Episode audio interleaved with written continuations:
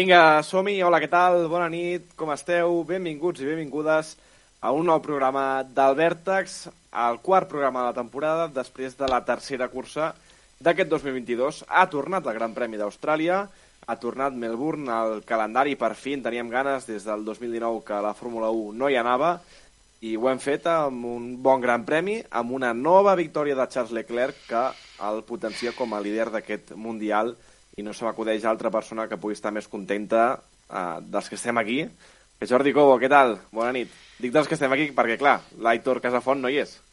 No, però l'Aitor Casafont ara mateix està a terres sagrades, evidentment. Um, no el tenim aquí entre nosaltres, però està fent un camí de peregrinatge, un viatge espiritual cap a l'epicentre del que és la felicitat en la Terra actualment, que és Maranello, concretament la fàbrica de Ferrari, museu de Ferrari també, i per tant només li puc enviar les meves sinceres felicitacions per ser tan privilegiat de poder estar allà en aquests moments i també li desitjo una mort lenta per totes les fotos que ens està enviant des d'allà i l'enveja que ens està generant a tots nosaltres.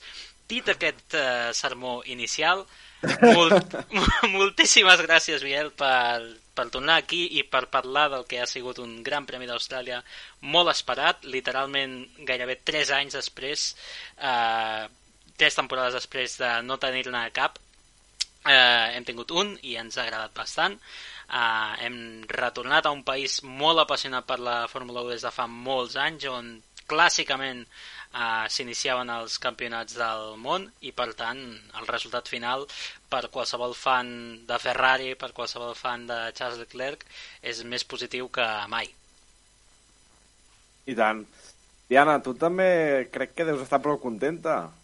Ja en parlarem després en profunditat, però els McLaren comencen a treure el cap.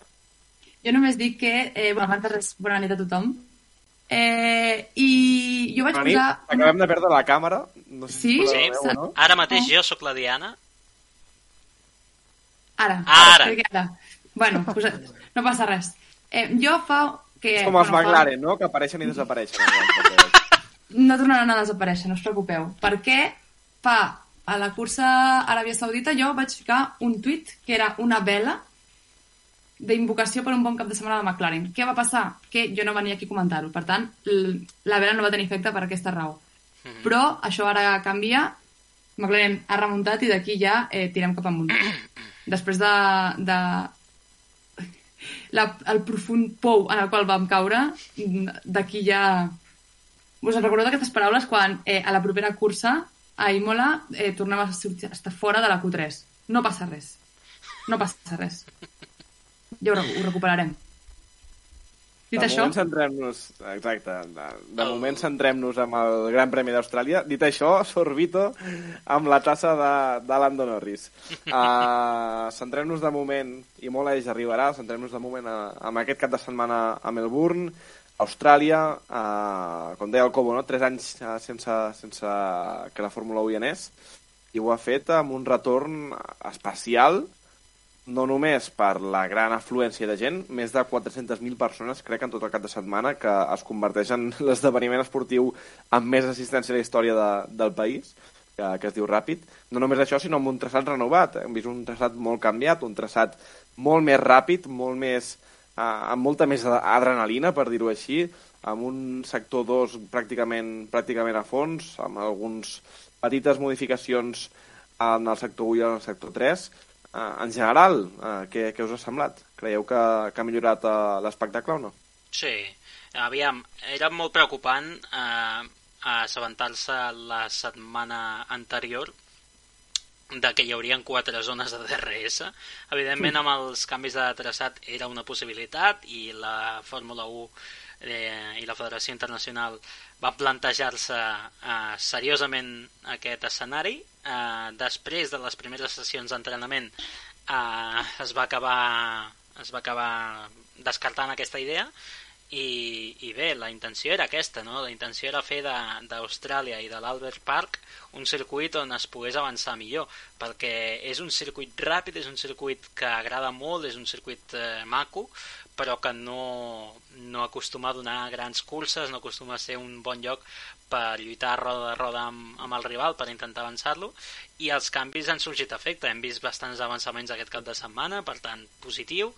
L'essència del traçat mmm, diria que no ha canviat massa perquè ja era un traçat força ràpid, ara ho és una mica més, uh, perquè no només han afegit més rectes, sinó que els revolts uh, ràpids, per dir-ho així, d'alguna forma els han fet més amples i per tant, positiu, el canvi ha sigut molt positiu, no, no tinc res en contra contra uh, aquesta decisió que han pres des d'Austràlia. Mm -hmm. Diana? Eh, bueno, estic molt d'acord amb el Cobo, el que passa que... Ja està, ah. ja està, ja em vol portar la contrària. No, no, no, que no, que t'estic donant la raó per un cop a la vida, no t'acostumis, però per un cop a la vida et donaré la raó. L'únic problema que jo vaig tenir eh, quan van incorporar les quatre zones de DRS és que aleshores se'm fa com complicat poder avaluar si el canvi de traçat era millor o no. Perquè aleshores, clar, com, com ho pots... Mm, no és una comparació equitativa. I més a més, en canvi, encara amb un canvi de cotxes com el que hi ha hagut. És a dir, estem fent comparacions en base a un, o sigui, un circuit que és diferent, però és que havien canviat el DRS i havien canviat els cotxes. Per tant, és una mica raro intentar treure conclusions tan ràpid.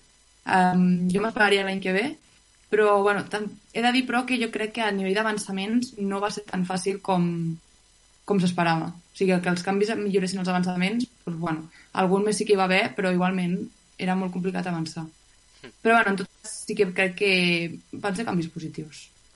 Tot i ser difícils de valorar dia d'avui, Sí, sí, bastant amb tu, Diana. Jo crec que encara haurem d'esperar una mica, no? veure si ha estat, si ha estat sort o no, que, que hem tingut una miqueta més d'espectacle a l'Albert Park.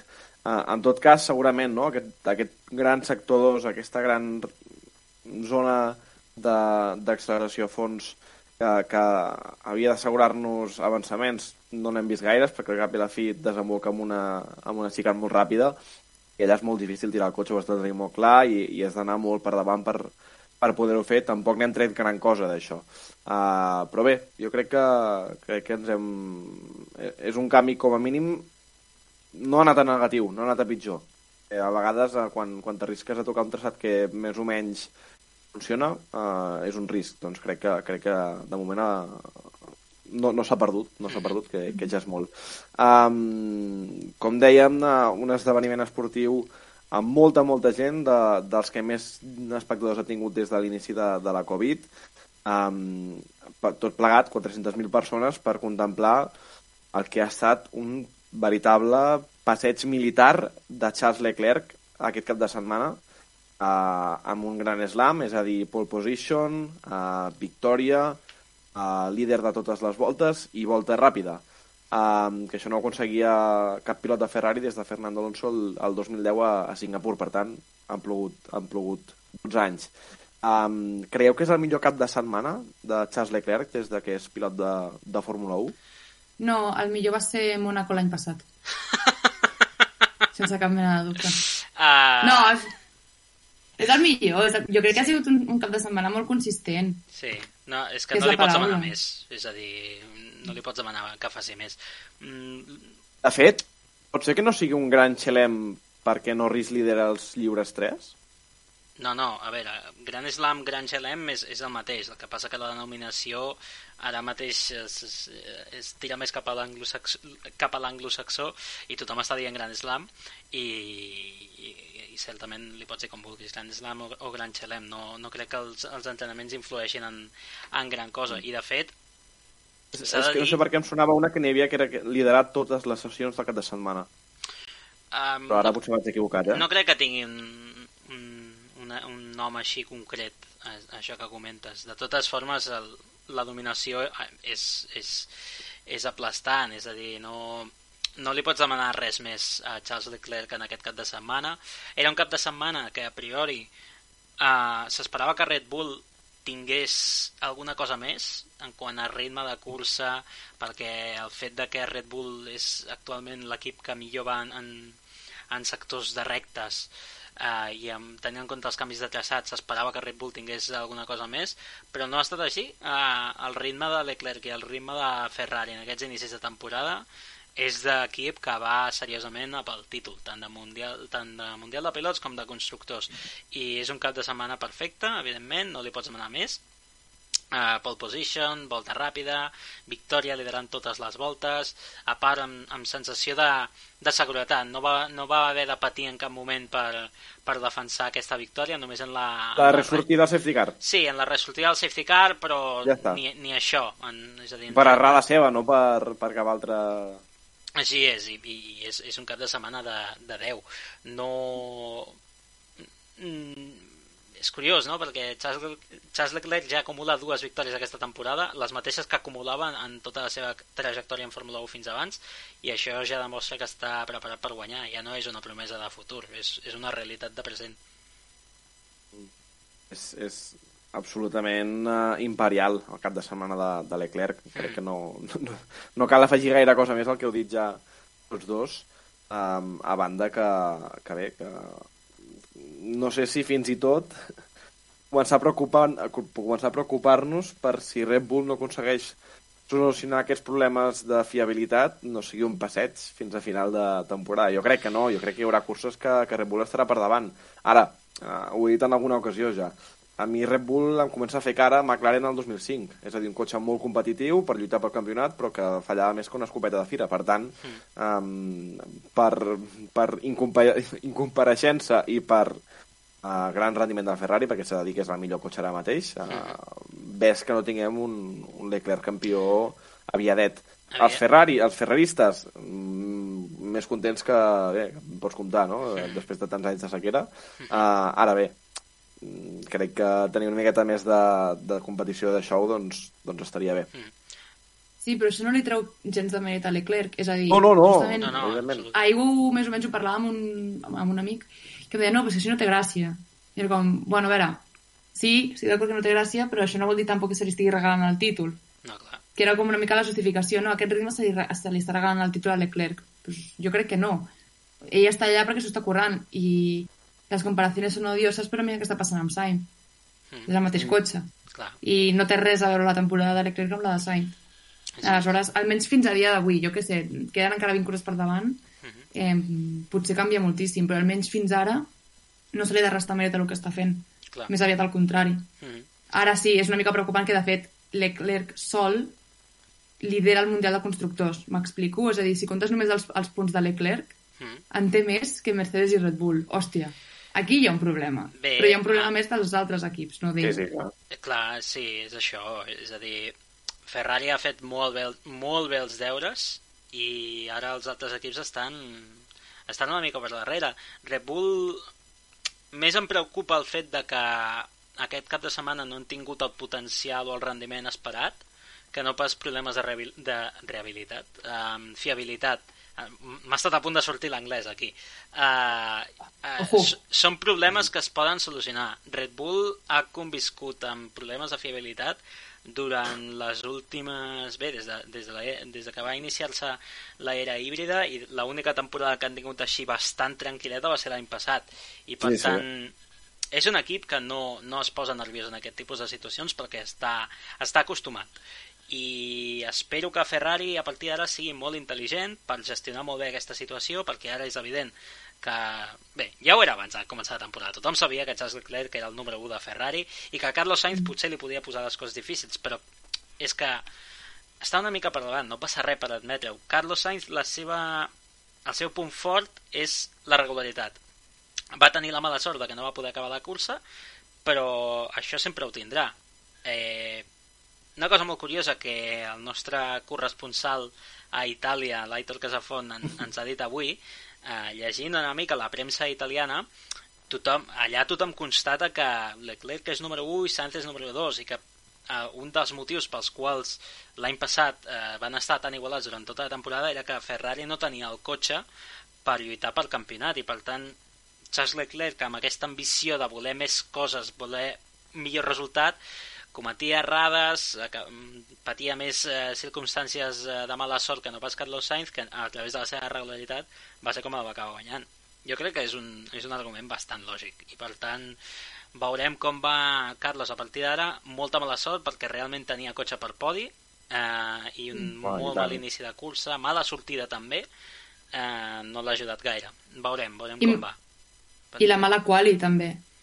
Clar, La mal- mala sort. Mala sort en quali també. Mala és a- sort a la quali, però va ser mala sort a la quali i error seu de pilotatge, que ell mateix ho ha dit a la cursa. Per tant, Clar, Sí, sí, sí. És un mix dels dir, dos. Però és- clar, o sigui, al final, l'error en pilotatge a la cursa segurament no hagués arribat si no hagués sortit tan endarrere. En condicions normals hagués fet segon, tercer, Sí. quart, com a molt, com a molt malament a, a, la, pole, a, Sí. la, a la pole position.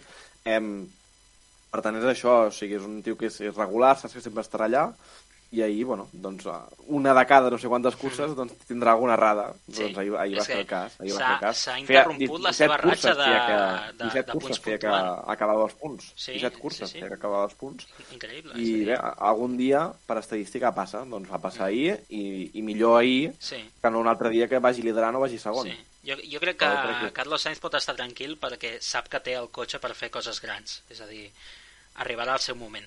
No s'ha de posar més nerviós de, del que toca i a part no li convé tampoc el seu equip, perquè el seu equip, tot i que ara mateix lidera el Mundial de Constructors amb, amb bastanta diferència, eh, necessitarà regularitat. Per tant, perquè eh, tenim moltes curses aquesta temporada. Eh, abans de passar al següent tema, si us sembla bé, un parell de comentaris que ens han deixat a través de, de Twitch, de la retransmissió en directe. Recordeu que sempre ens podeu anar deixant comentaris i nosaltres els anem llegint. Uh, el Carlos Sagarra ens diu que no ha canviat dràsticament la situació en referència als canvis de, de traçat d'Austràlia. Diu que seguien havent-hi trens de cotxes que no es podien avançar, com els de Stroll, Gasly, Bottas, Alonso. Mm. Sí, és cert, és a dir, uh, no és un circuit que segueixi segueix sent ràpid i no segueix tenint... O sigui, no li han posat més punts per avançar, per dir-ho d'alguna forma. Han fet una mica, han tancat una mica més el, el revolt de... Crec que és el revolt 13 o 11, eh, on, on s'han sortit, sortit molts pilots aquest cap de setmana, per cert, i els punts d'avançament segueixen sent els mateixos. Cosa, eh, cosa més fàcil és seguir els cotxes quan, quan tens tanta recta, evidentment. No et poden treure tanta diferència, per això es feien aquests trens de, de cotxes. La, a la top... Ah, Eh... sí que en aquests trens crec que es podia veure de més a... o sigui, es podia veure perfectament que els cotxes es poden seguir més a prop. Sí, això sí. Mm. Altra cosa és que puguin avançar o no, eh? Mm. Uh, però que es puguin Sí, seguir sí. de més a prop, segur. Sí, sí. Amb un altre circuit amb més oportunitats, amb més oportunitats d'avançament, Mm. més punts d'avançament, doncs segurament haguéssim vist més avançaments. Sí. Un altre comentari que ens deixen uh, a top... Eh, hòstia, eh, B baixa... No, B baixa doble RC, eh, no sé si he dit bé el teu nom, uh, demano perdó si no ho he fet bé. Uh, ah, clar, World, Rally, World Rally Car, m'imagino que deu ser el, les últimes tres lletres. Pregunta, diu, quan es parirà un reglament que unifiqui tots els equips en un sol puto segon? No ho sé, i tampoc m'agradaria, he de dir la veritat. És a dir, la Fórmula 1, un element que té és eh, la lluita i la recerca de l'excel·lència i, per tant, no pots fer un reglament que digui eh, si aquest va massa ràpid, doncs eh, els hem de capar, per dir-ho d'alguna forma. Ja es fa d'alguna forma, s'introdueixen eh, límits pressupostaris i totes aquestes coses per no fer que la diferència sigui dràstica, però a mi tampoc m'agradaria tenir un, un mundial de, de 10 cotxes que poden guanyar. Crec que seria molt artificial. No, no ha passat mai i, i que passés seria una gran sorpresa i, i bé, seria espectacular, però crec que també tens un element diferencial de la Fórmula 1 com a esport. No sé si Això ja passa...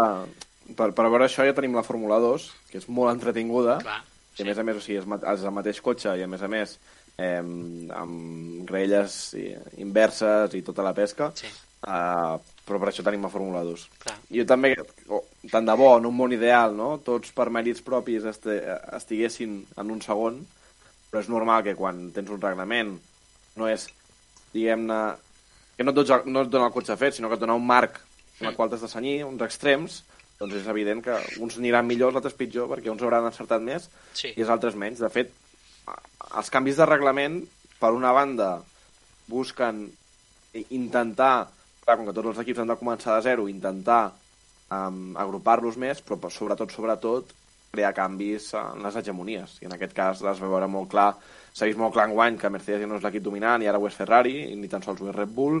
Uh, es va veure també molt clar el, el 2014, quan Mercedes va passar a ser un equip dominant, que era un equip de la zona mitja. El 2009 amb Brown GP, un equip que apareix del no-res agafant una, una onda que era el 2008 era el pitjor, el segon pitjor equip. Per tant, els canvis de reglament al final sí, busquen unificar la grella, però sobretot, sobretot el que aconsegueixen és canviar una miqueta les, les, les dinàmiques. Hm. Em... Jo he de dir, però, perdó, eh? És que no estic gens d'acord amb el que ha dit el Cou de que no li agradaria que hi hagués un mundial amb, amb tants cotxes competint. El, el campionat del 2012, que si no m'equivoco, les primeres curses van haver-hi sis guanyadors diferents. Sí, però no, no tenies els cotxes de darrere fent podis. És a dir, quan, quan tu... De, quan... No, però tens sis. O sigui, no et cal Sí. tampoc que hi hagi tots. No, però clar, que hi hagi jo, jo també et dic, eh, si ara mateix Mercedes fes una passa endavant i tinguéssim tres equips lluitant per victòria seria molt feliç, Exacte. però eh, el que estic dient jo és, eh, partint de la premissa aquesta que ens deia de- d'unificar tots els equips a, a tots els equips en un, sol, en un sol segon, crec que li treus una mica de- d'aquest punt que jo crec que és la... És que en un esport en el que l'objectiu és ser el més ràpid, has de permetre que la gent pugui ser la més ràpida i que si hi ha algú que no és la més ràpida hagi de treballar per ser-ho. Mm, Sí, sí. no sé, eh, eh, o sigui, entenc també que tothom voldria tenir un, un mundial en que arribes un, un cap de setmana i potser un cotxe que et va quedar 17è doncs et fa podi victòria. Sí, evidentment, però jo crec que aquest element de, de ser el millor és, és el que fa que la Fórmula 1 ens dongui moments eh, espectaculars i, i, i cotxes espectaculars i, i aquesta recerca de, no de la perfecció, sinó de ser el que més s'hi apropa. Sí, però potser no cal, i amb això ja acabo, eh? Però potser no cal eh, ni que sigui aquesta competició de qui sigui últim, que és- l'endemà sigui primer. Però el que està passant aquest any, per exemple, amb que potser, de fet, al capdavant no passa tant, però a la zona mitja i baixa Mm. sí que tot està fluctuant bastant. Sí. És a dir, que McLaren fa dues curses estigués mm, dels pitjors equips i després aquesta setmana Norris qualifica quart, Clar, o que Haas estigués sí. a tope i ara estan a baix, bueno, crec que li dona un, un, un què sí, que potser no, no tant pel capdavant, però que permet donar un cert punt d'impredictibilitat que és interessant. clar, però això, és, això ja és més, a- aquest cas en concret, els de McLaren millorant molt en dos curses i Haas de moment que no sabem exactament on estan perquè semblava que començaven molt bé i ara sembla que no estan del tot tan bé com ens esperàvem. És una cosa que és, és, està directament relacionada amb el seu rendiment com a equip. No és ningú que hagi dit ei, McLaren està, està dels últims. No pot ser, hem de fer que estiguin més eh, enmig i, i fer, algun, eh, fer algun reglament que ho permeti. Dic, això és els propis equips trobant exactament el seu rendiment i la seva, el seu progrés, per d'alguna forma. eh, Canviant una mica de... No, a dir, canviant una mica de, de tema, um, si us sembla, no? ara parlàvem d'aquest, eh, d'aquesta poca fiabilitat del Red Bull, Mm. que està afectant més a Max Verstappen que no pas a, a Checo Pérez, quan Verstappen sempre era qui no li passava res i al seu company li passava de, de tot o, o més coses. Um, un Max que no, no tenia ritme per guanyar ni per fer la pole position, però No. Per ser segon sobrat. Sí, per tant deixa 20, 18 punts més a la lluita pel Mundial, de fet és sisè ara mateix. Mm. a, a, a les estadístiques que crec que això no, no ens ho esperàvem eh, ningú de nosaltres durant la pretemporada. Um, que hauria de ser segon eh, per, per cotxe i per rendiment però clar, si la, si la, fe, si la fiabilitat mana i diu que, que no, doncs és, és que no i d'això, és, és sisè.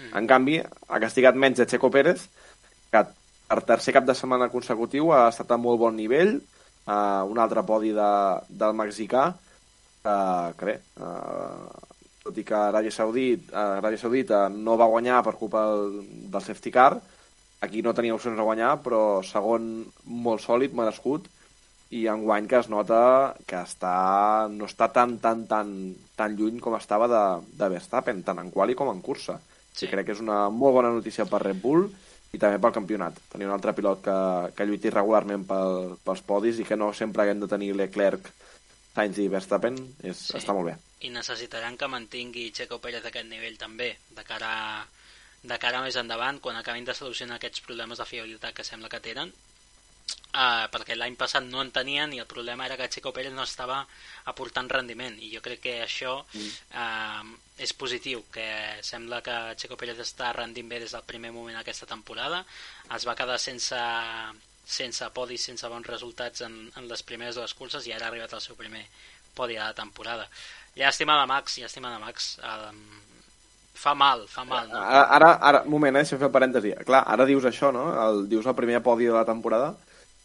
És que em podria portar tres. De fet, podria portar dos podis i una victòria, però passa el que passa Sí, a, a Bahrein i passa el que passa a l'Aràbia Saudita. sí, és, és en això. una per fiabilitat després de que Max calmi i a l'altra després de, de mala sort, pura Sí. mala sort amb el safety car. Sí.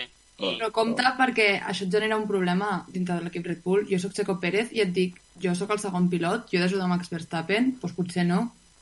Aviam, Ara mateix qui està per davant és ell. Però Aleshores, és, és molt circumstancial tot, és a dir, quan, quan Max abandona Bahrein seguia estant per davant de Checo, de la mateixa manera que estava per davant quan, quan, quan ahir abandona, i, i sí que és cert que Checo es pot, eh, es pot flagelar, si es vol dir d'alguna manera, per la mala sort que va tenir a, a Aràbia Saudita, perquè estava bastant encaminat cap a un bon resultat i potser fins i tot una victòria. Però I clar, tant. és a dir, portem només eh, tres curses, queda molt mundial per davant i ara per ara, tot i que Checo està a molt bon nivell, és evident que Verstappen segueix per, davant. Veurem si més endavant la cosa s'allarga, llavors sí que Red Bull haurà de ser intel·ligent, gestionar bé la situació, perquè Ferrari de moment no està patint problemes i, i no sabem si els patiran. I si Red Bull vol optar alguna cosa, doncs haurà d'intentar maximitzar les seves op- opcions, sigui com sigui. En això sí que estic eh, plenament d'acord, veurem. De moment no crec que sigui un problema. És a dir, hi ha molt bona relació allà dins. jo no ho tinc tan clar. No, no, no, no. no. És, és, Jo no ho tinc tan clar. Ja, Sí, crec, no sé, com a pilot Polèmica. de curses, eh? El, que- Polèmica. el, que has de fer, el que has de fer i el que sempre s'ha dit, sobretot un, un pilot com Checo Pérez, és tu vas a guanyar, tu no vas a ser el segon de ningú. Clar. Ningú vol tornar a ser Valtteri Bottas, i més quan Valtteri Bottas, bueno, sembla que ara amb Alfa Romeo s'està redimint una mica, però és que la fama que tenia l'any passat era horrible. Hmm. Tu vols ser Valtteri Bottas? Clar que no, tu no vols ser l'eterno segundón. Aleshores, no sé, jo ja ho deia l'any passat, i espero tenir raó, perquè m'agradaria moltíssim veure una batalla entre els dos. ja veurem. Penso. De moment no hem viscut eh, el moment bo. en el que estiguin igualats en, en cursa i veurem, veurem com es soluciona. Mm.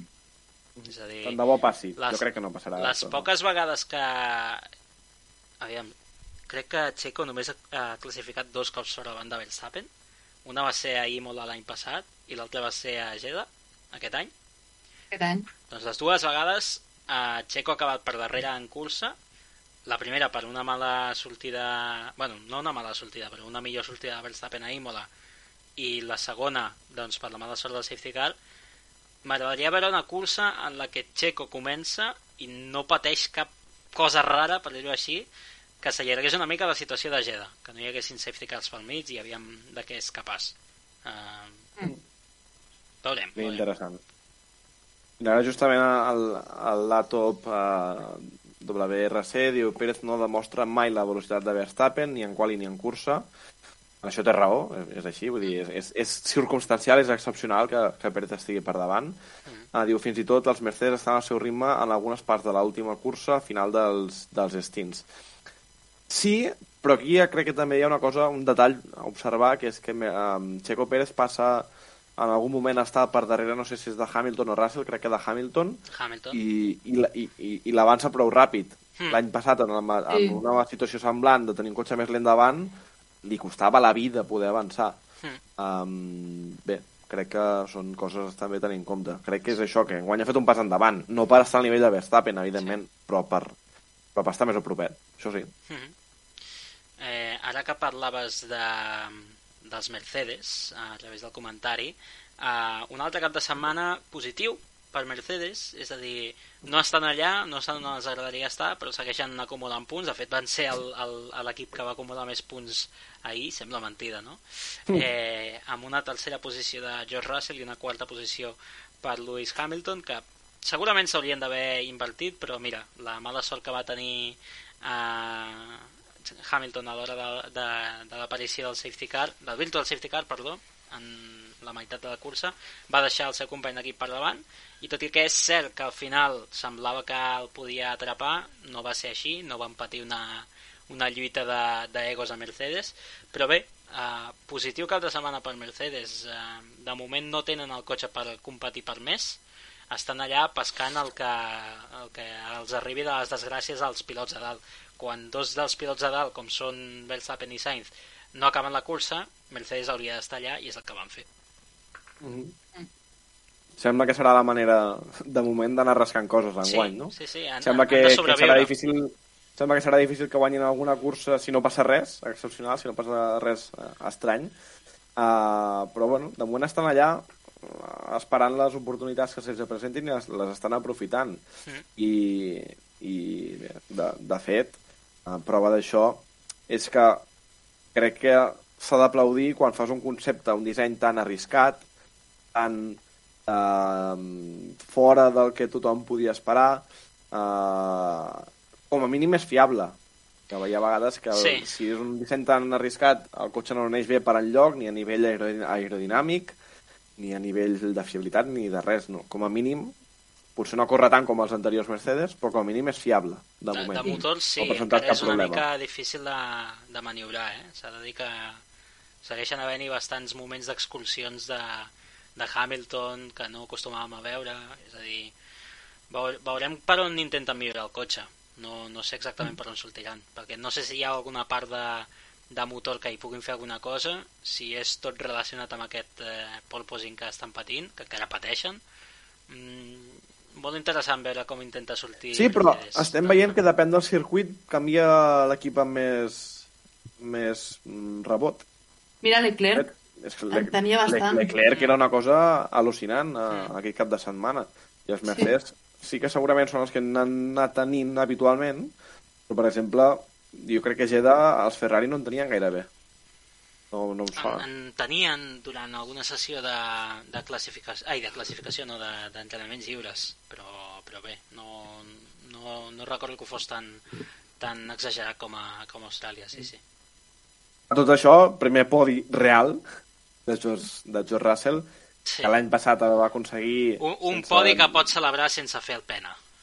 Ah, Exacte, recordem Pobre. que va aconseguir, va aconseguir el podi a la segona posició és per Francorchamps després de no haver-se disputat la cursa, que es van mantenir, bueno, es van disputar dos o tres voltes darrere el safety car, es van mantenir, es van mantenir els resultats de la quali, quali excepcional, tot sigui dit, evidentment, uh, però allò no era un podi real. Ara sí, ara ja, ara ja té un podi real George Russell, uh, que bé, sembla que a Bahrein encara li va costar una miqueta entrar, però a poc a poc va, va mostrant un... Aràbia Saudita va estar per davant de Hamilton i ara mm. Han estat gairebé tot el cap de setmana emparellats Mm. i de fet és segon al Mundial George Russell uh, amb tots els problemes que ha tingut Red Bull ei, Russell està allà sumant, sumant, sumant i mira l'ara segon al Mundial en un món en què Russell és segon en un Mundial. en un Mundial on, on Mercedes no és el primer equip ni el segon vull dir Però és molt raro perquè no sé si veure el podi, però no semblava especialment content. I de fet, a la ràdio, el seu enginyer li dona una comunicació quan acaba la cursa que és molt estranya, no molt estranya, però és una meva pessimista, en plan, eh, Russell demana com ha acabat la cursa i com, com de darrere ha quedat en relació a Leclerc, i l'enginyer li diu, no, no, no, estava, Leclerc estava en un altre univers, en una altra galàxia. I és el propi Russell el que de fet diu, bueno, ja, ja farem, ja, ja arribarem. I l'enginyer, bueno, ho intentarem. Que és com, el, el to era una miqueta pessimista. I després jo veia a Russell al podi, que estava com una mica... No sé, quan va aconseguir els primers eh, punts amb Williams, estava extremadament content i plorant. Sé que és una circumstància una miqueta diferent i que potser ella esperava estar competint per victòries, però això. tot que- així... Bueno, a mi em crida l'atenció veure Sí. com estava el seu primer podi real guanyat i, hòstia, eh, jo semblava més aviat d'un enterrament. Clar, és que jo crec que Ah, el en tio, aquest el sentit... tio porta... Quants anys fa que porta esperant fitxar per Mercedes i pujar a Mercedes? Tres. Tres. Tres, i l'any que ho aconsegueix, Mercedes no és el millor equip ni és el segon millor equip. Doncs crec que és normal, no? Tants anys amb aquesta expectativa d'arribar a un equip per guanyar, enguany tampoc té el cotxe per guanyar. Clar, és, és, és això, és completament el que heu dit això. eh, els dos, vull dir. Um, a part, clar, és que no estàs parlant d'un equip qualsevol, estàs parlant de l'equip més dominant de la història. Eh, vuit anys seguits guanyant el Mundial de Constructors i arriba George, eh, arriba George Russell i no sé si és que té un, un gafe a sobre o què, però no està ni a prop de competir per victòries ara mateix i no depèn d'ell, és a dir, no és una cosa que tu diguis tinc el cotxe però no estic rendint bé, per tant, quan jo comenci a rendir bé arribaran les coses. És, és una cosa que han de solucionar des de Brackley, des de la fàbrica de, de Mercedes. Entenc la frustració en aquest sentit que deu estar vivint en aquest moment, tot i ser segon del Mundial. Mm. Totalment. Diana, gran progrés de McLaren. Abans Mira com somriu. començar. Mira que, Anem mira que feliç que està. Fotem-nos-hi fotem ara, fotem ara de, de ple.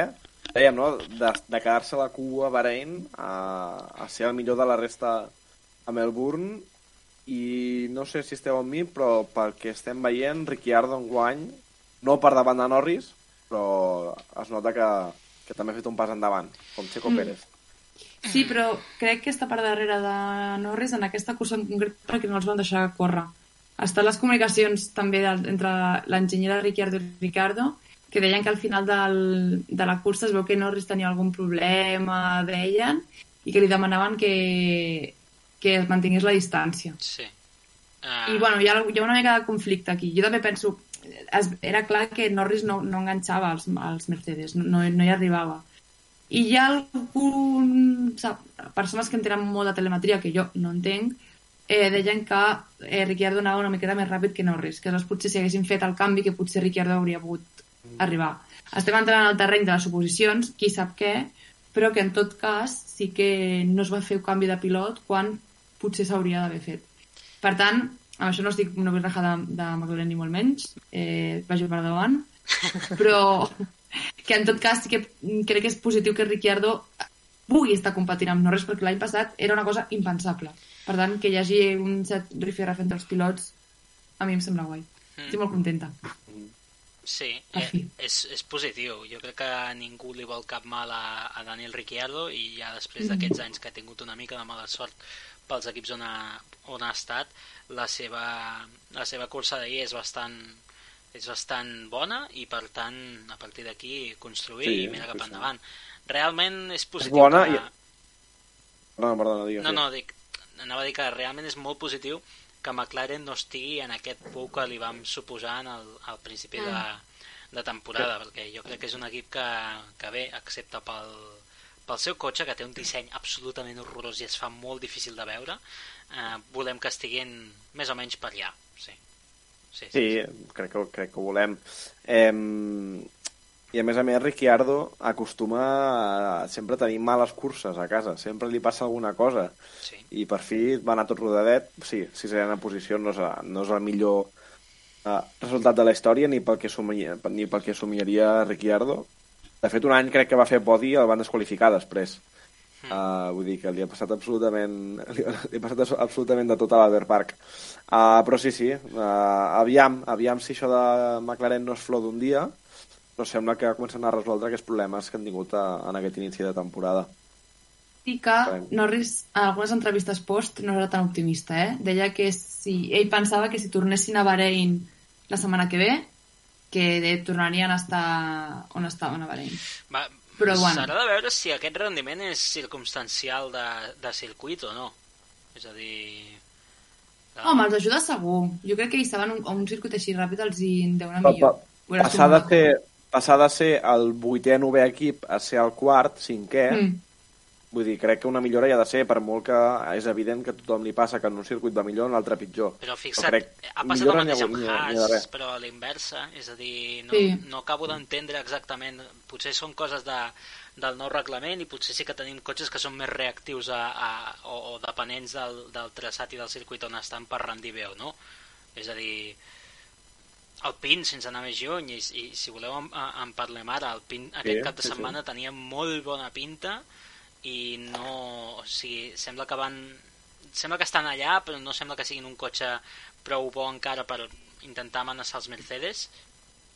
I, eh, Però de totes formes, eh, ja et dic, és que em confon una mica aquestes primeres tres curses, bastant complicat de treure conclusions on està realment cada equip, excepte Ferrari, Red Bull Els i Mercedes, que sí. sempre estan allà.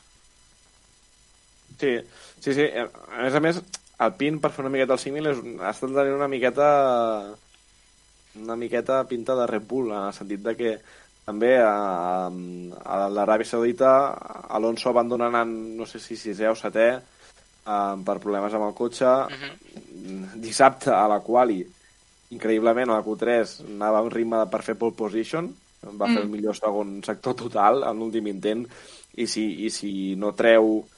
I, no, en el primer intent, perdoneu. I, i si no si no té l'accident a l'últim sector, doncs, segurament, com a mínim, l'hauríem vist al top 3 o top 4, segur, segur, Sí. segur. Um, per tant, o sigui, la Pit anava bé. De fet, uh, Ocon va, va quedar setè, um, Mm. que és un bon resultat. De fet, Ocon, a la classificació del Mundial, és la millor, que la, és la millor de la resta. És el setè classificat, també. Per tant, està fent molt bon inici de Mundial Esteban Ocon. Um, ha anat puntuant i ha anat sempre estant uh, prou amunt. Uh, per tant, el PIN no està gens malament, de molt bona temporada, però han de fer aquest passet de no fallar en els moments importants, que de moment és el que li està passant, especialment a Fernando Alonso. Crec que acumula un, o dos punts de Mm. moment i Ocon en porta, porta 20, si no vaig equivocat. Uh, uh, quan, igual que Red Bull, quan solucionin això, estaran allà. Allà, vull dir, en aquest cas, sí, potser lluitant a Mercedes pel tercer lloc com a molt.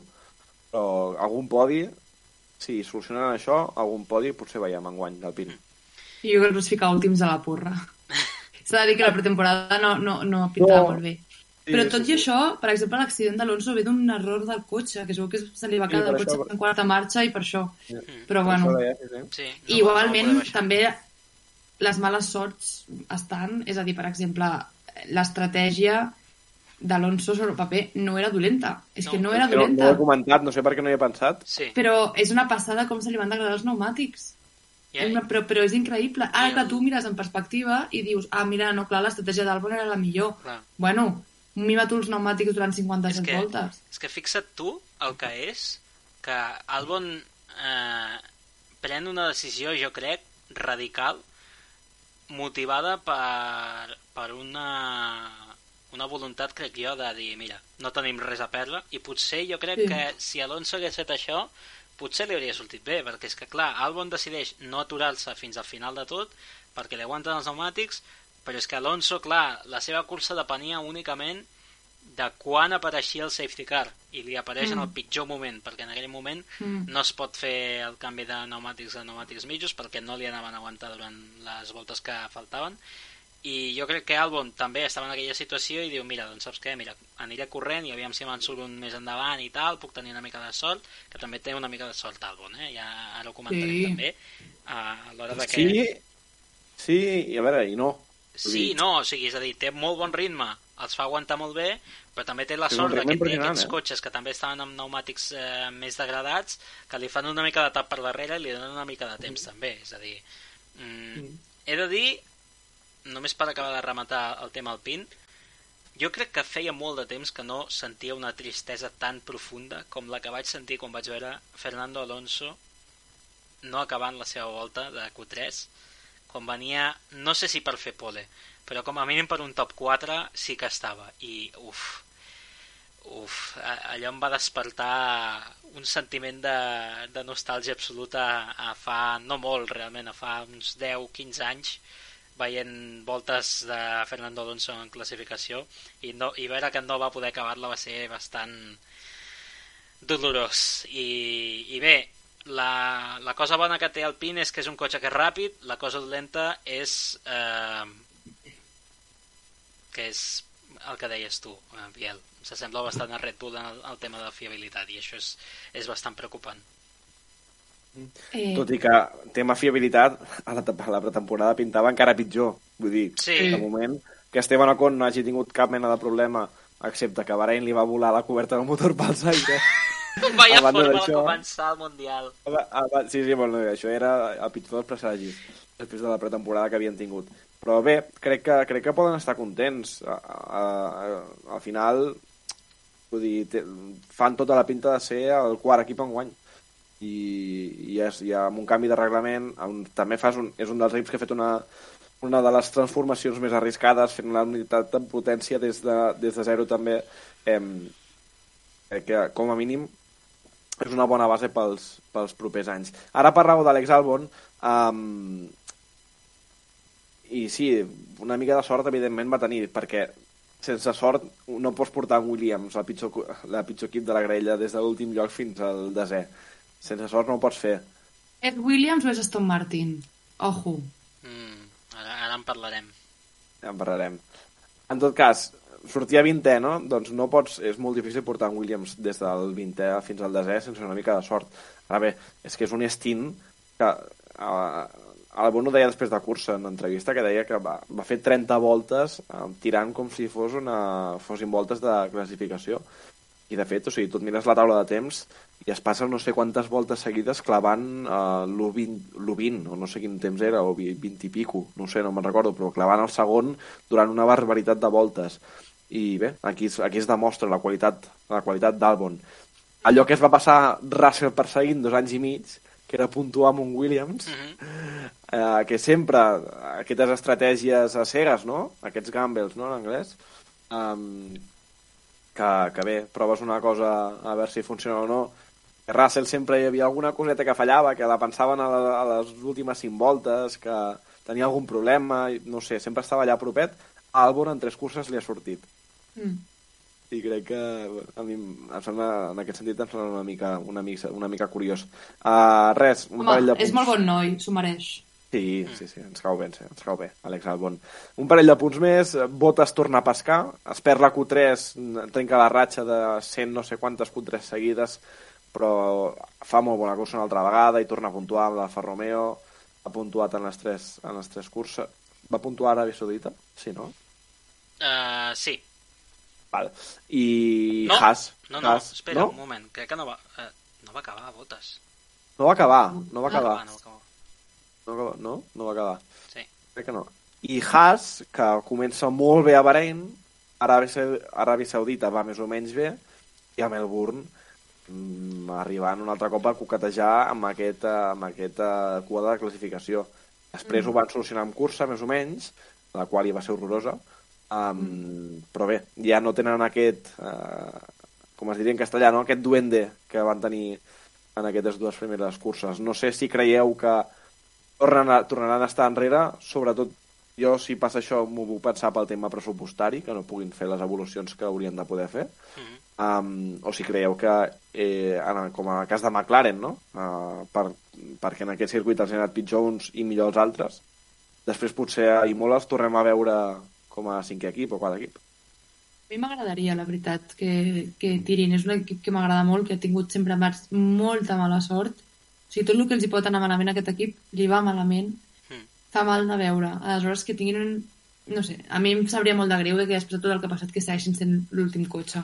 A més a més, a, ne- a nivell ja purament lògic, si es vol dir, ells van dir que ja no, no desenvolupaven el cotxe de 2021 per fer-ho tot el, el de 2020.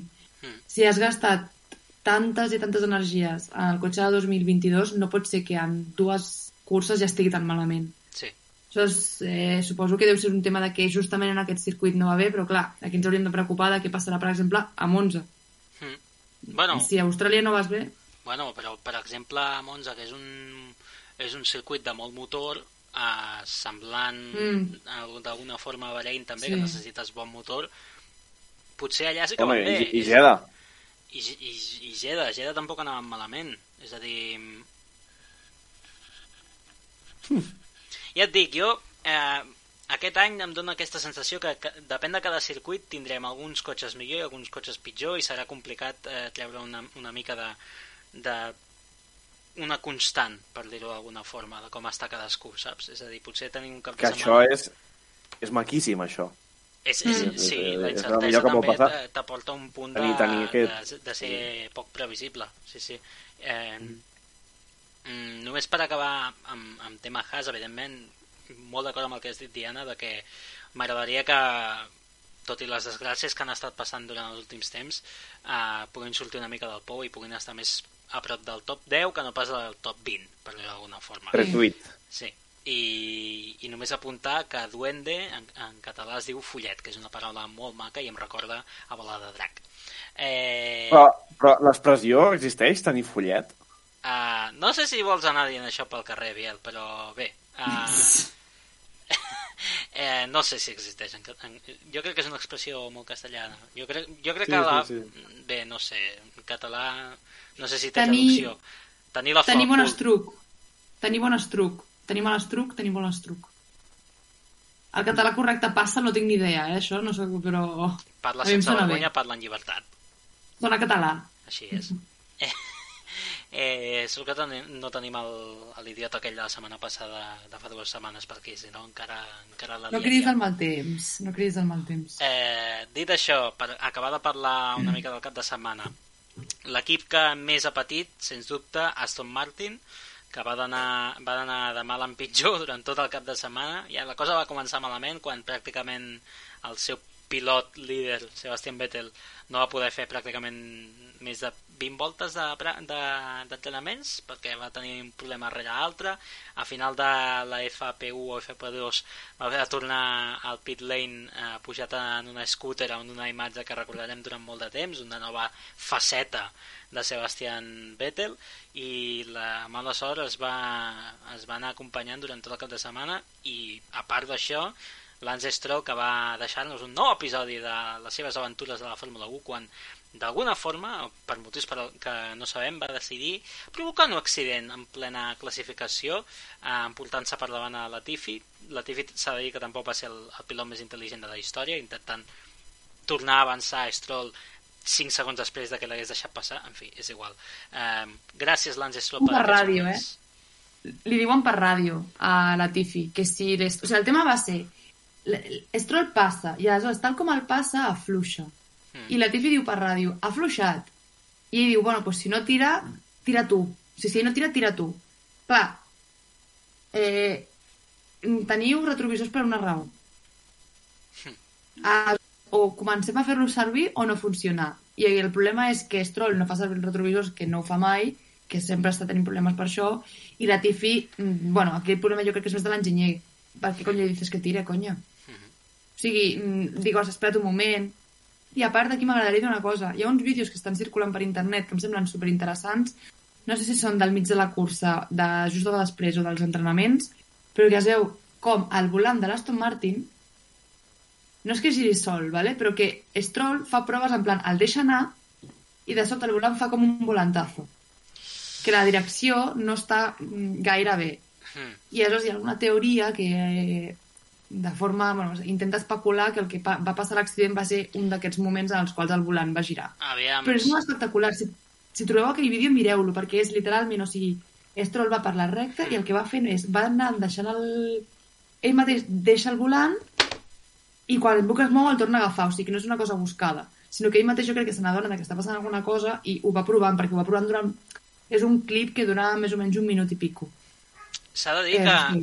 això em sembla bastant interessant i de Mm. fet el principal problema que tinc amb això és que, clar, és una cosa que pot passar però és Lance Stroll és que és, Ja. és el senyor No, que, no. que no sap que no sap bé, sap que té retrovisors al seu cotxe però decideix conscientment ignorar-los i ho ha fet Mm. en més d'una ocasió per tant, És més, és el típic imbècil que no posa els intermitents per sortir de, de les rotondes o, o canviar de carril o el que sigui.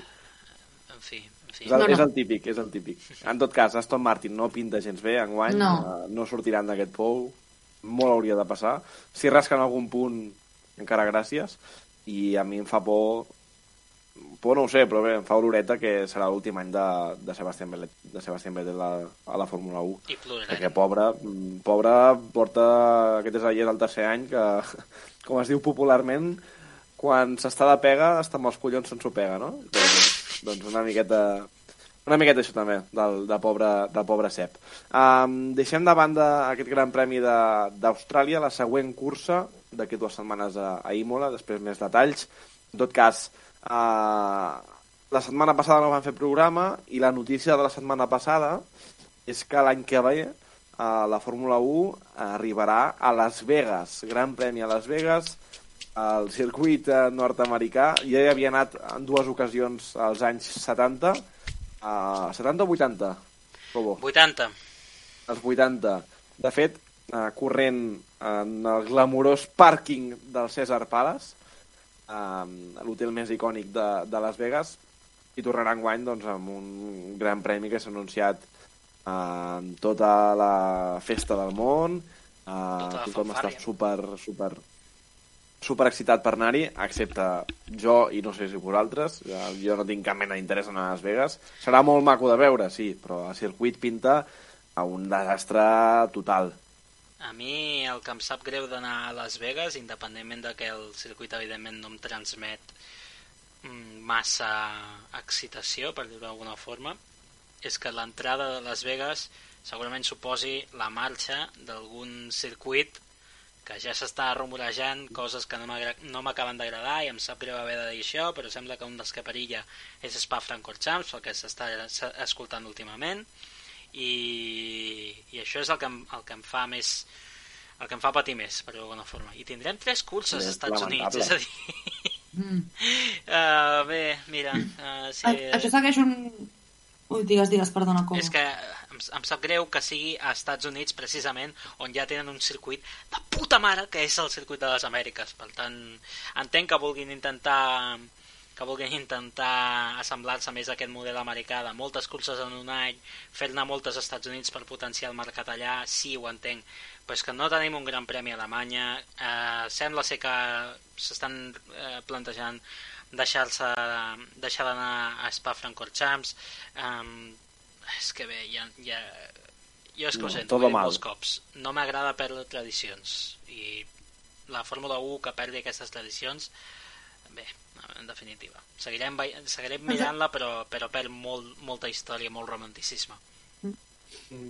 I el problema és, en el sentit purament de màrqueting de la paraula, és la imatge de marca. O sigui, Clar. que tu perquè mires la Fórmula 1 és que, no mires la oh, IndyCar. és que ho sento, és que m'a- m'acaba de venir ara al cap. És que han modificat Spa Francorchamps per fer-lo més segur. I ara diuen que no, que no hi tornaran. És que no pot, és que no, no, no no, és que ho sento, no puc, no puc. Si passa jo crec que em tiro d'alta baix del meu, del meu edifici. Aleshores, No, God, please, no, no, no, no... no ho sé, és com que no, no entenc els processos, eh, podem dir, de negocis o empresarials que hi ha darrere d'aquestes decisions, purament a nivell de negocis, però lògica. alhora, sí, però eh, crec que perds de vista què és el que està volent l'audiència com a tal i el motiu pel qual es mira la Fórmula 1.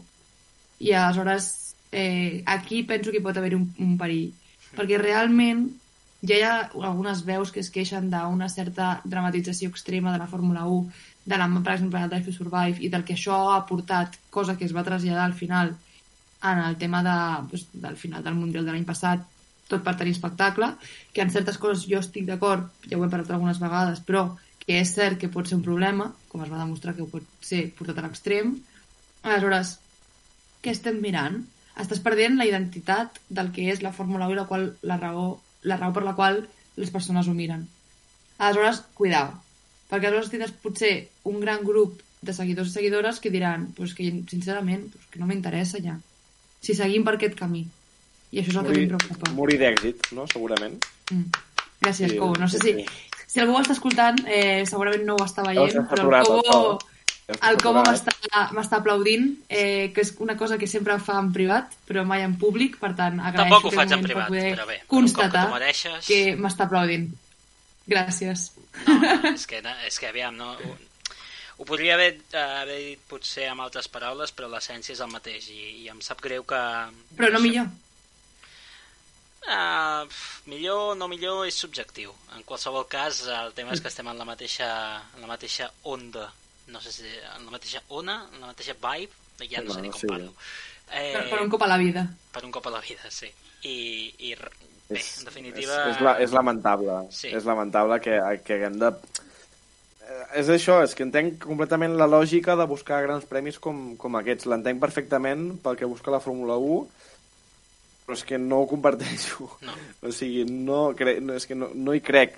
No hi crec en això. No, no hi crec que la Fórmula 1 hagi de marxar de circuits de tota la vida, que a més a més estan fent esforços milionaris per, per, per adaptar-se als nous temps de la Fórmula 1 i, i agafis i creïs grans premis en llocs sense cap mena de, de tradició.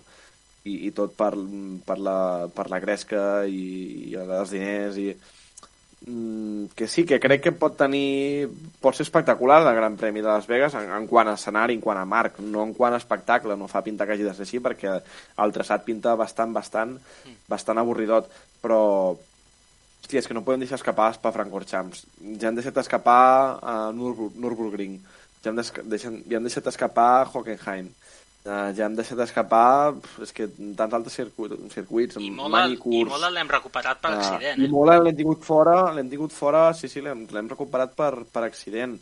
Uh, I tens circuits, tens circuits de puta mare a l'altra banda del món, Sepang. com Sepang, Oh! Istanbul Park, que també han tornat per accident, Sepang, em, Xangai, que fa dos o tres anys que no hi anem, però bé, per, també per casuístiques, és igual. Però no parem de crear coses molt artificials. A més a més, tot són el mateix model de circuit, que són eh, tot el mateix patró, que són circuits urbans ràpids.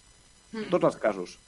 De fet, ja hem anunciat que anem a Las Vegas que no hem estrenat encara ni, ni Miami. Mm, Miami. És, és la mateixa filosofia. És un circuit, circuit urbà superràpid. És el mateix. Um, també he de dir, clar, tenen tres grans premis als Estats Units, sí, però una a la costa est, una a la costa oest o gairebé, i l'altra a Texas, que està al mig. Mm. Eh, després tenim grans premis a Europa, per exemple, Spa, Francorchamps i, i Nürburgring, no tenim gran premi, ara Nürburgring, d'acord, però estan separats per mitja hora de cotxe o alguna cosa així. Uh, Montmeló Però- però- però i Port distància- Montmeló... Sí, sí, ja ho sé, ja ho sé, sí, sí, sí, ja ho sé, però Montmeló i Port Ricard, per exemple, perquè són un parell d'hores en, en cotxe o una miqueta més, igual en Mònaco. Um, vull dir que en aquest sentit, si ho has de repartir geogràficament, hi ha una lògica.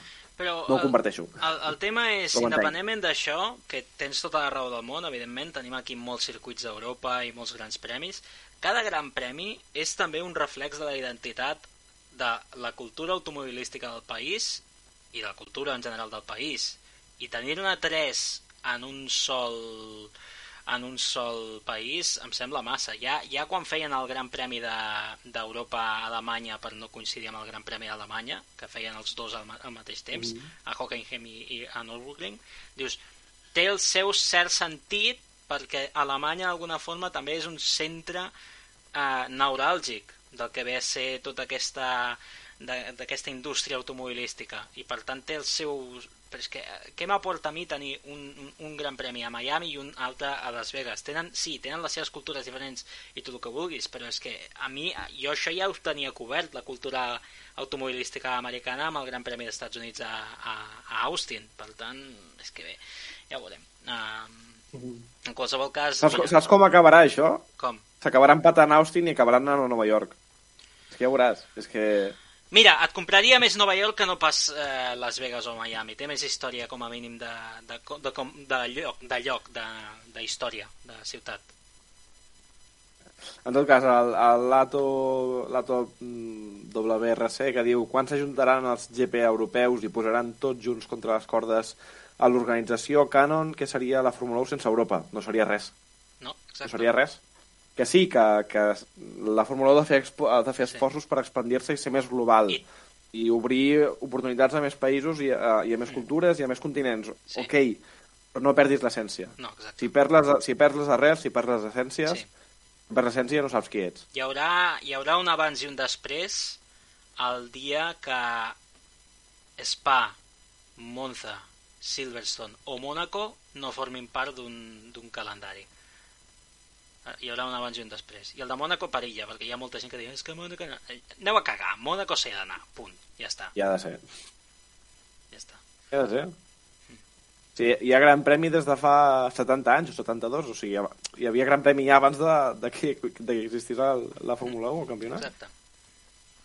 Però bé, I amb podríem aquesta frase tant, tantes- acabem la, i tantes hores. la crítica polèmica dels senyors de 60 anys. Podem... eh, eh, eh, que no, de moment encara no ha arribat als 60. Perdó, perdó. Ah, Sí.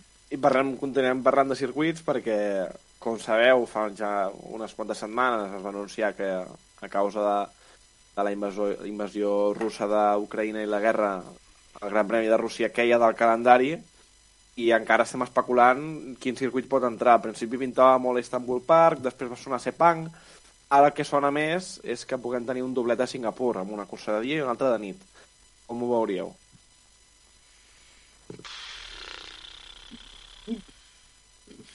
A mi no em sabria cap Sin greu si no es fa cap doblet, eh?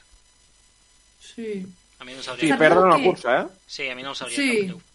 No crec que hi hagi un problema. I si hagués de triar, jo prefereixo una cosa com la que va passar a Bahrein, que va ser com el mateix espai però dos circuits diferents. Crec que va ser molt interessant. També. Però Clar, si no... que Un circuit urbà... Sí, no, no, no, clar, que és- aquest és el problema. Però bueno, que en tot cas és que és com que eh, sin más, o sigui, pues, si una de dia i una de nit, pues vale. A, Abu- a Abu Dhabi el podríem fer diferent, perquè hi ha no sé quantes configuracions. Configuracions, sí. O Paul Pues Ricard, mira. si vols fer doblet a Sí. Paul Ricard. De... Jo crec que ni així Eh, de salves. algun circuit interessant ja l'havia Paul Ricard, algun. Jo crec que ningú. Algun. Per, per, per probabilitats. Clar, Em, hòstia. Jo, jo, jo Ara- ja et dic, com menys temps passem a França, millor. Aviam, jo per, a veure, per demanar va sonar Istanbul Park, a mi no, no em semblaria malament tornar-hi, és un circuit que, que m'agrada. Ara, posats a demanar, hòstia, tornar a veure Fórmula 1 una, una altra vegada, algun cop, a Sepang, Mm. que era de lo millor que ha fet Herman Tilke, doncs estaria molt bé. Sí, Estaria molt bé tornar a veure curses allà. Sí. Um, però, però bé. Eh, anem acabant el programa, portem una hora i cinc minuts de programa i crec que toca fer-ho. Jordi Cobo, Mhm. amb el teu quiz. Així és, eh, serà un de curtet. Eh, no tenim moltes preguntes avui, però tinc una pregunta per cadascú. Bé, us les puc fer els dos a la vegada i aviam qui la respon abans. Eh, Ai, hem vist No, no, una cadascú, no? Una- Okay. sí, sí, sí. una en cadascú. Quina pressió. Eh, bé, hi ha alguna que potser la podeu treure i d'altra que haureu de fer servir una mica el cap. Hem viscut un cap de setmana molt interessant a Austràlia, on Ferrari i Charles Leclerc han dominat. Eh, Charles Leclerc aconseguint el que es coneix com a Grand Chelem, o Gran Slam, eh, que és fer la pole, guanyar amb volta ràpida i liderant totes les voltes. Per tant, hmm, aquí li faig aquesta pregunta ara. Diana, et donaré quatre noms i vull que em diguis qui és el pilot amb més grans slams de la història.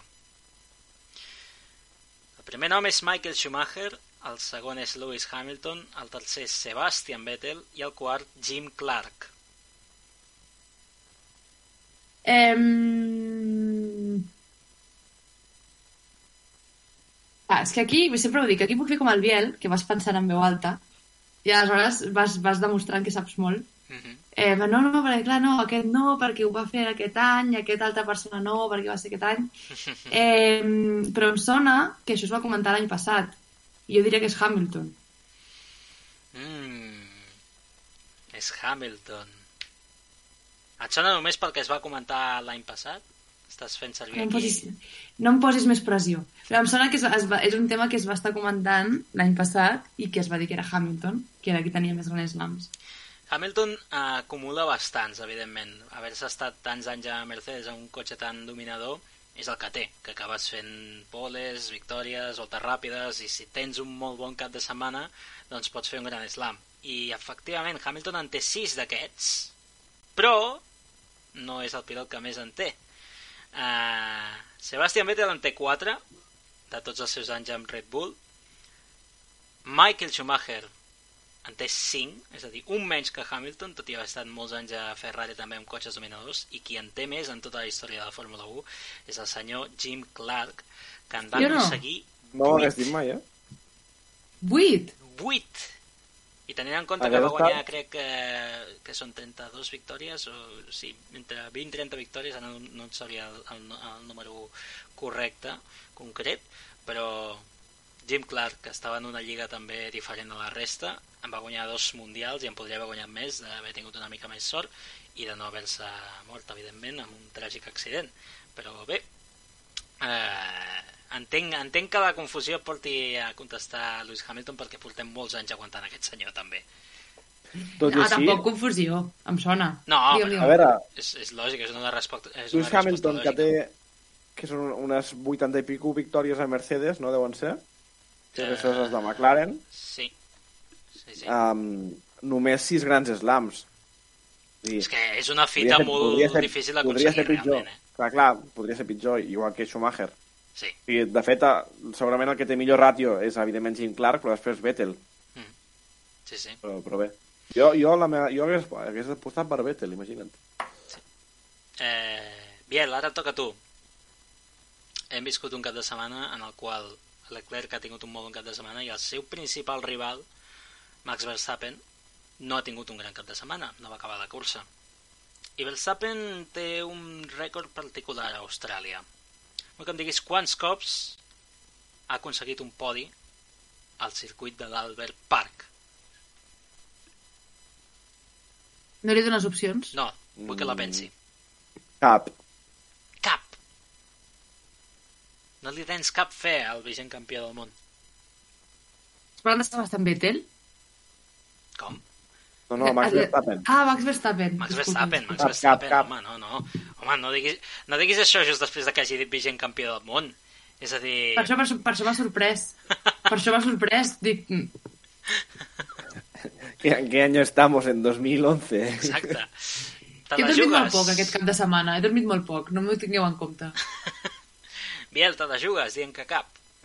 Sí, Doncs te la jugues si falles, perquè Max Verstappen ha pujat al podi a Austràlia, tot i que només un cop, l'any 2019, l'anterior cursa que havíem tingut allà, i és curiós, no?, perquè Max Verstappen eh, té aquesta tradició de no començar bé els mundials, per dir d'alguna forma, l'any que mi- millor ha començat, evidentment, va ser l'any passat, però sempre als principis de temporada havia tingut problemes, no? De fet, aquest eh, inici de temporada eh, és el seu pitjor inici de, de temporada després de tres curses des del de 2018 és a dir eh, Max Verstappen també ha, ha hagut de conviure amb això durant la seva trajectòria i veurem, veurem com se'n surt, si se'n surt aquesta temporada per intentar revalidar el títol Tindrem fe. Tindrem farem fe. pel bé del Mundial. Paciencia i fe. Bé, doncs uh, això és tot, uh, no? Això és tot uh, per avui, quiz, quiz curtet. Sí. Uh, Deixeu-nos abans d'acabar, però, recordar-vos que tenim la Lliga del, del Fantasy del Vèrtex oberta. La Diana, que es posa les mans al cap, no s'ho creu, encara no s'ha apuntat després de tres curses. Diana, malament. mira que t'ho diem sempre, mm. i no ens fas ni punyetero cas. Per tant, um, golpe de remo.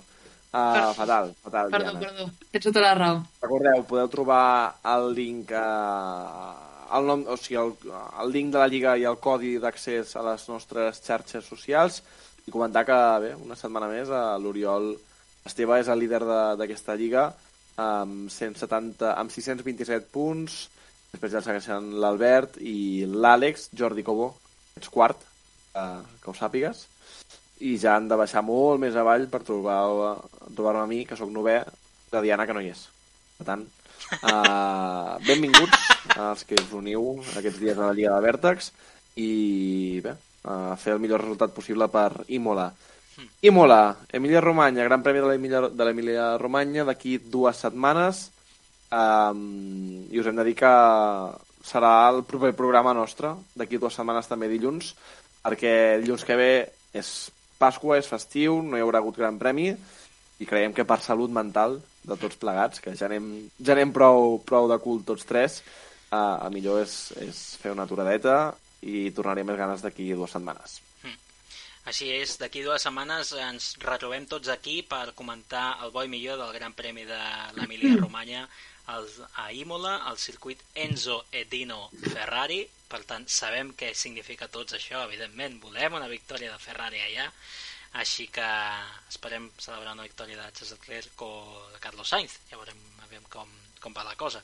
De totes formes, Moltíssimes gràcies a tots els que ens heu estat seguint en directe a través de Twitch o els que ens estigueu veient a través de YouTube. Particularment aquests dos grups els demano perdó per aquesta primera confusió de tres programes que he tingut amb la meva habitació. No és que ara estigui girat, abans estava girat, ara m'he arreglat. La meva habitació realment és així. No és que estigueu vivint en una realitat paral·lela en la qual hagueu estat prenent al·lucinògens i no estiguéssiu veient-me bé fins ara. Uh, moltíssimes gràcies a les persones que ens estigueu escoltant a través de Spotify o d'iVox i ens veiem d'aquí dues setmanes. Moltes gràcies a tu també, Biel i Diana, per estar aquí, per haver tornat al podcast eh, Diana d'una vegada per totes i ens veiem. Moltíssimes gràcies a tothom. Des d'aquí dues setmanes... Només em despediré dient no estic al fantasy perquè no pots perdre on no participes. És una gran lliçó de vida. En dues setmanes ens veiem. Adéu. Bones vacances als que, als que les tingueu. Adéu a tothom.